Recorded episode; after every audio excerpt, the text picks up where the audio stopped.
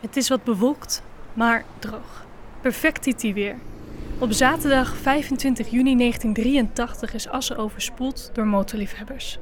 Ze komen uit Brabant, Limburg, maar ook Duitsland, Engeland, soms zelfs van nog verder weg. En allemaal komen ze voor de koningsklasse van de motorraces op het TT-circuit, dat net buiten de stad ligt. Uncini die staat op de tweede rij met start nummer 1, geflankeerd door Marc Fontan.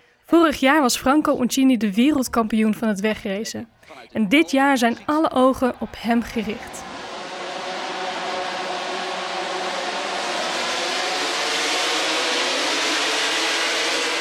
Zijn start is goed. En Middelburg. Want Jack Middelburg rijdt. Maar dan gaat het al snel mis. Uncini kan de motor niet onder controle houden en valt in een bocht genaamd de Bedeldijk. Waar blijft Mamola? Oeh, en daar Franco Uncini eraf. Het is geen ernstig geval, net aan de buitenkant van de bocht, vlakbij het gras. Maar dan, Franco Uncini trekt zijn machine onderuit bij de bocht naar de Bedeldijk. Zijn machine blijft midden op straat liggen. Hij wil van het wegdek kruipen en wordt vervolgens keihard geraakt. Niet door Raymond Roche, maar door Wayne Gardner. uh, tolt hij 360 graden in het, eh, in het rond, eh, in de lucht. En eh, zie je wat, wat wegvliegen. Ja, waarvan je denkt van, goh, zijn hoofd vliegt eraf. Ja, dat bleek dan zijn helm te zijn. Ja, dat was inderdaad dat beeld van weg willen krabbelen, aangereden worden aan zijn hoofd. Die helm herken je niet als helm die afgegaat. En dan blijft hij doodstil liggen. En op dat moment echt direct duidelijk van, die is uit, die is buiten kennis. dat zijn André en Joke Casimir, de hulpverleners die direct ter plaatse waren bij de twee gecrashte motocoureurs. Franco Uncini, de kanshebber, de titelverdediger, ligt schijnbaar levenloos op de grond. Zijn helm rolt meters door op de baan, zijn hoofd op het asfalt.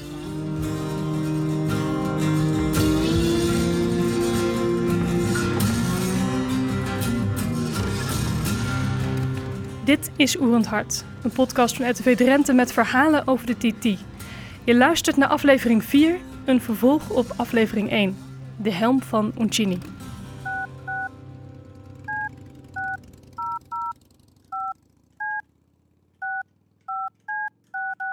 Als ik je zou vragen waar je op deze dag precies 17 jaar geleden was, heb je waarschijnlijk geen idee. Of wel? FC bonjour. Hi, uh, this is Marjolein Knol van de mm, uh, van een regional television company in the Netherlands. Misschien heb je een dagboek bijgehouden of net die dag een foto gemaakt waardoor je nog een moment kunt herinneren. Als ik je vraag wat je deed op 11 september 17 jaar geleden, dan is de kans een stuk groter dat je meer details kunt herinneren. Veel mensen hebben nog precies het moment onthouden dat ze hoorden over een vliegtuig dat de Twin Towers invloog. Sommigen weten zelfs nog wat voor kleren ze droegen. De crash van Franco Uncini vond dit jaar 35 jaar geleden plaats. Bijna twee keer zo lang geleden dus. Ask, I, I wanted to, I want to get in touch with uh, Franco Uncini. Okay. Uh, that's actually my question. Okay. So just a second, please. Yes. Wie de race wint, bijna niemand kan het zich nog herinneren. Althans, niet de mensen die bij de bocht in de Bedeldijk stonden. Zij herinneren zich de val, het wegvliegen van de helm en het schijnbaar levenloze lichaam van Franco Uncini. Schijnbaar, want wonder boven wonder overleeft Uncini het. Wat ook niemand zich kan herinneren is wat er gebeurde met de helm. De helm die van Uncini zijn hoofd vloog en daarna nog meters verder doorrolde. Dat we het niet weten laat me niet los. Ik zoek in tijdschriften, kijk oude tv-interviews. Uncini vertelt vaak over het ongeluk, maar zegt nooit iets over die helm. En eigenlijk is dat best bijzonder. Want, en dat klinkt simpeler dan het is, een helm hoort niet af te vliegen. Een helm hoort, juist bij ongelukken, zo stevig op je hoofd te zitten dat hij je beschermt tegen alle mogelijke klappen. Hello? Ja? Yes, I can from uh, the person in charge of uh, the um, Road Racing Commission. She's not working this afternoon. I give you my email address and then I will... Ambulancemedewerkers op het TT-circuit zien eigenlijk alleen maar motorrijders bij wie de helm nog steeds op hun hoofd zit na een crash. De keren dat dit niet gebeurde, kunnen de hulpverleners op één hand tellen. Sterker nog, een paar ambulancemedewerkers maakten dit alleen maar mee bij Franco Uncini. P like papa. Uh, sorry? En hoewel ik Franco Oncini wel probeer te bereiken, was hij op het moment zelf natuurlijk buiten bewustzijn. En werd hij daarna nog dagen in coma gehouden. Ook in de maanden erna moest hij nog herstellen van de harde val. Een klap waarvan velen dachten dat hij het niet zou overleven. Maak je je dan nog druk over een helm? Have a good day. You too, bye. Bye bye. Bij het maken van de vorige aflevering heb ik het geprobeerd uit te zoeken, maar konden de ooggetuigen me niet verder helpen. Het is te lang geleden. Nu, in deze aflevering, probeer ik het antwoord toch nog te vinden. En dat is het makkelijkst door te beginnen bij het begin. Namelijk bij de ene ooggetuige die zich nog wel iets kon herinneren. We gaan terug in de tijd. Naar het moment waarop het ongeluk net heeft plaatsgevonden. Links ligt Eugenie schijnbaar levenloos op de grond. In de greppel ligt Wayne Gardner, bij hen beiden een hulpverlener. En dan rechts, voor het publiek, daar staat een politieman. Of tenminste, een reservepolitieman. Want hij ziet er net zo uit als een echte politieman. Dick Hendricks kwam tussen zijn werkuren door even kijken bij de race. En nu staat hij voor het publiek dat na al het gejuich en gejoel tijdens de race stil kijkt naar de hulpverleners die hun werk doen. Op enig moment komt er een bij mij bij de post, uh, word ik steun, en die bracht me de helm van Ozzini. Waarom die helm nou juist bij hem terechtkomt, dat snapt Hendricks ook niet zo goed. Waarom gaat hij niet mee naar de ambulance? Waar, waarom houdt de medische post die helm niet? Uh, ik, ik, ik, heb geen idee, maar die helm kwam bij mij. Dus legt Hendricks de helm maar op een strobal naast hem. En er komt een horde fotograaf aan. Persmuskieten kwam daar aan zijn nummertje aan. Ik heb ze met alles wat ik niet leerd heb aan tekst en aan beweging en geboren, heb ik ze dus door bij die helm wegstuur. Want als Uncini het overleeft, dan overleeft hij het door die helm. Nou, en als je een schedelbasis hebt, dan zit die helm aan de binnenkant dat niet zo mooi wordt. Dan gaat bij Hendricks een knop om. Je bent kwaad. Je donderdag voor puntje, puntje op, maar ben je helemaal bedonderd. Weet je, dat, dat soort teksten gebruik je dan. De pers verdwijnt en Franco Uncini wordt meegenomen in de ambulance. Later weet Hendrik zich weinig te herinneren van de race. Hij weet alleen nog hoe Franco Uncini viel. Als, als een helikopter ronddraait uh, en uh, uh, helikopter wiekt aan en op het asfalt liggen. En hij weet dat hij de helm kreeg. Dat weet ik nog wel heel goed. Dus, maar wat daarna met die helm gebeurd is? Of ik hem ergens heen gebracht heb of dat ze hem bij me weggehaald heb, ik weet dat ook niet meer. Maar ik weet wel dat ik hem kreeg. En hoe lang hij die helm bij zich hield? Dat weet Hendricks niet meer precies. Hij zei bijvoorbeeld wel dat hij zich afvroeg waarom de helm niet meeging in de ambulance. Maar direct daarna zei hij ook dat hij zich niet meer kon herinneren hoe lang hij de helm had gehouden, waar deze naartoe is gegaan.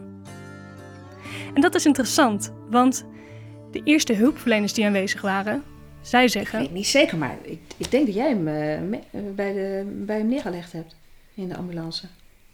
Is vast meegegaan, dat was gebruikelijk in die tijd. En nu ook. Kun je zien waar de schade zit. ik denk dat hij met uh, Franco Uncini meegegaan is naar het ziekenhuis.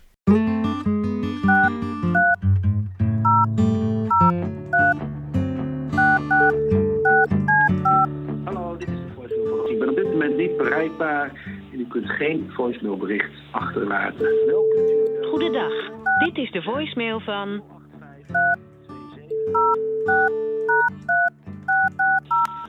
Spreek uw bericht in na de toon. Dag, nogmaals Marlijn Knol van het Verdrenthe. Ik heb u begin of uh, eind vorige week ook geprobeerd te bellen en van... uh, met u in contact te komen Spreek omdat ik u iets wil vragen. Na de Spreek uw bericht in na de toon. Dit is Marlijn Knol van Radio TV Drenthe. Um, ik bel omdat ik een vraag heb over... Um, en ik hoop dat u mij misschien eventjes terug kan bellen. De Vries.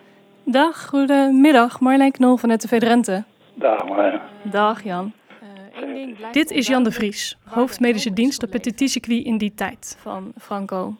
De helm is Ja, dan vroeg ik me af. De helm is. Na even nadenken komt hij tot drie opties. Mogelijkheid, hij zit in de ambulance en iemand heeft daar een leuk souvenir. Hij is uh, over het hek gevlogen en iemand in het publiek heeft een leuk souvenir. De technische commissie heeft hem geconfiskeerd en nog steeds in bezit en dan zal hij ondertussen wel weg zijn. En de vierde mogelijkheid is, ik zou het niet weten. dus, Uncini rijdt af op de Bedeldijk, een beroemde bocht op het TT-circuit, vlakbij het vroegere verkeerspark. Voor de bocht naar de Bedeldijk.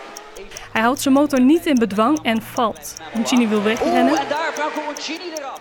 Maar dan rijdt Wayne Gardner tegen zijn hoofd. Uncini vliegt door de lucht, zijn helm vliegt Je af. ziet zelfs de helm van Uncini's hoofd gaan. Op de beelden is te zien dat de helm helemaal naar de motor van Wayne Gardner rolt, meters verderop.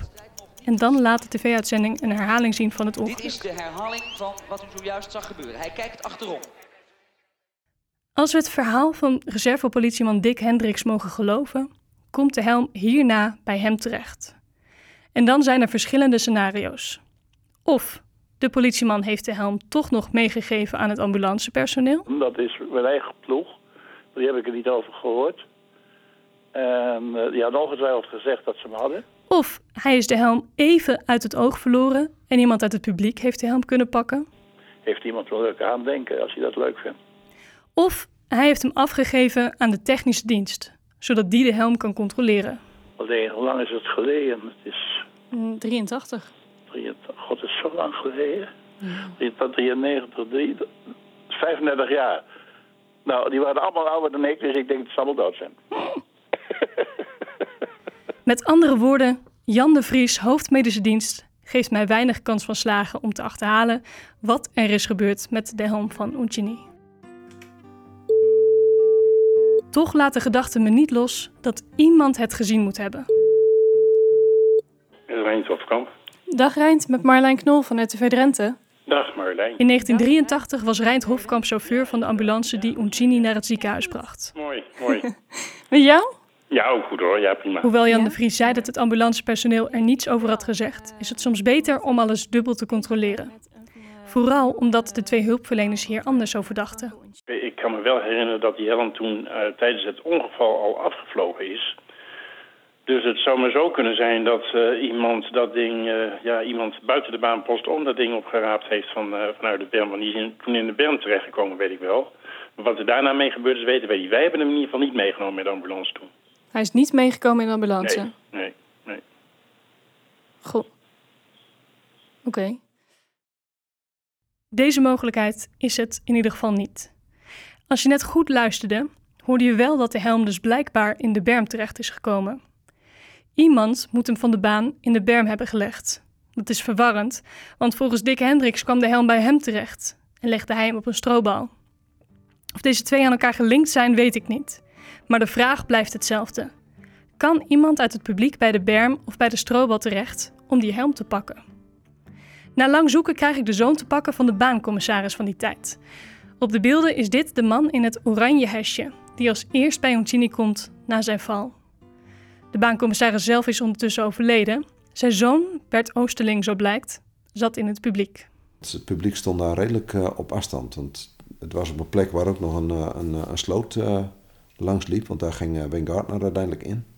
En daarachter had je hekwerk en het eh, publiek. Dus dat publiek dat, eh, kan daar niet bij.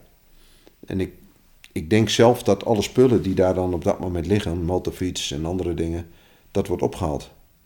En of dat wordt opgehaald door de, iemand van het team met de bezemwagen. Het kan ook zijn dat hij daar met mee is gegaan. Dus eh, hij zal niet verdwenen zijn richting het politiebureau. Dat lijkt me sterk. De kans dat iemand uit het publiek de helm in handen heeft gekregen, is dus vrijwel nihil. Dan blijft er nog één aannemelijke optie over. En dat is dat de technische dienst de helm inderdaad op de een of andere manier in handen heeft gekregen. Nu wordt die dienst verzorgd door een Italiaans bedrijf, maar destijds deed de KNMV dat, de Koninklijke Nederlandse Motorvereniging. Hoewel Jan de Vries de kans klein acht dat deze mannen nog leven, is het altijd het proberen waard. Goedemorgen, KNV Service Team en Mirelle Zijlstra. Hi, goedemorgen. U spreekt met Marlijn Knol van Radio TV Drenthe. Hallo. Hi, ik ehm, bel. Ik heb, ik heb een beetje een lastige vraag. Vertel. ik, eh, ja, ik, ik ben op zoek naar iemand die ehm, mij kan vertellen wie in 1983 betrokken was bij de technische keuringdienst van de Motorbond. Dus ehm, Oeh. ja, de KNMV deed dat toen nog. Uiteindelijk word ik doorverbonden met iemand die zegt nog iemand te kennen die me misschien verder kan helpen. Deze persoon zal met mij contact opnemen. Eh, ik ga eens even voor je voor informeren. Eén moment hoor. Ja, bedankt, ja. Oké. In de tijd dat ik wacht op dit telefoontje, ga ik toch nog weer terug naar Dick Hendricks, de reservepolitieman waar dit hele verhaal mee begon. Hij moet zich toch nog iets kunnen herinneren. Nee. Nee, ik, eh, ik zou er zelfs wat voor over hebben om het zelf te hebben. Ja, want er zit toch een verhaal in die helm vast, hoe dan ook, goed ik ben of verkeerd. Dus ik, ik heb geen idee en ik denk dat, eh, dat eh, Mr. Roncini dat ook niet weet. Maar je hebt hem wel weggebracht. Ja. Het is 25 juni 1983 en het is bewolkt.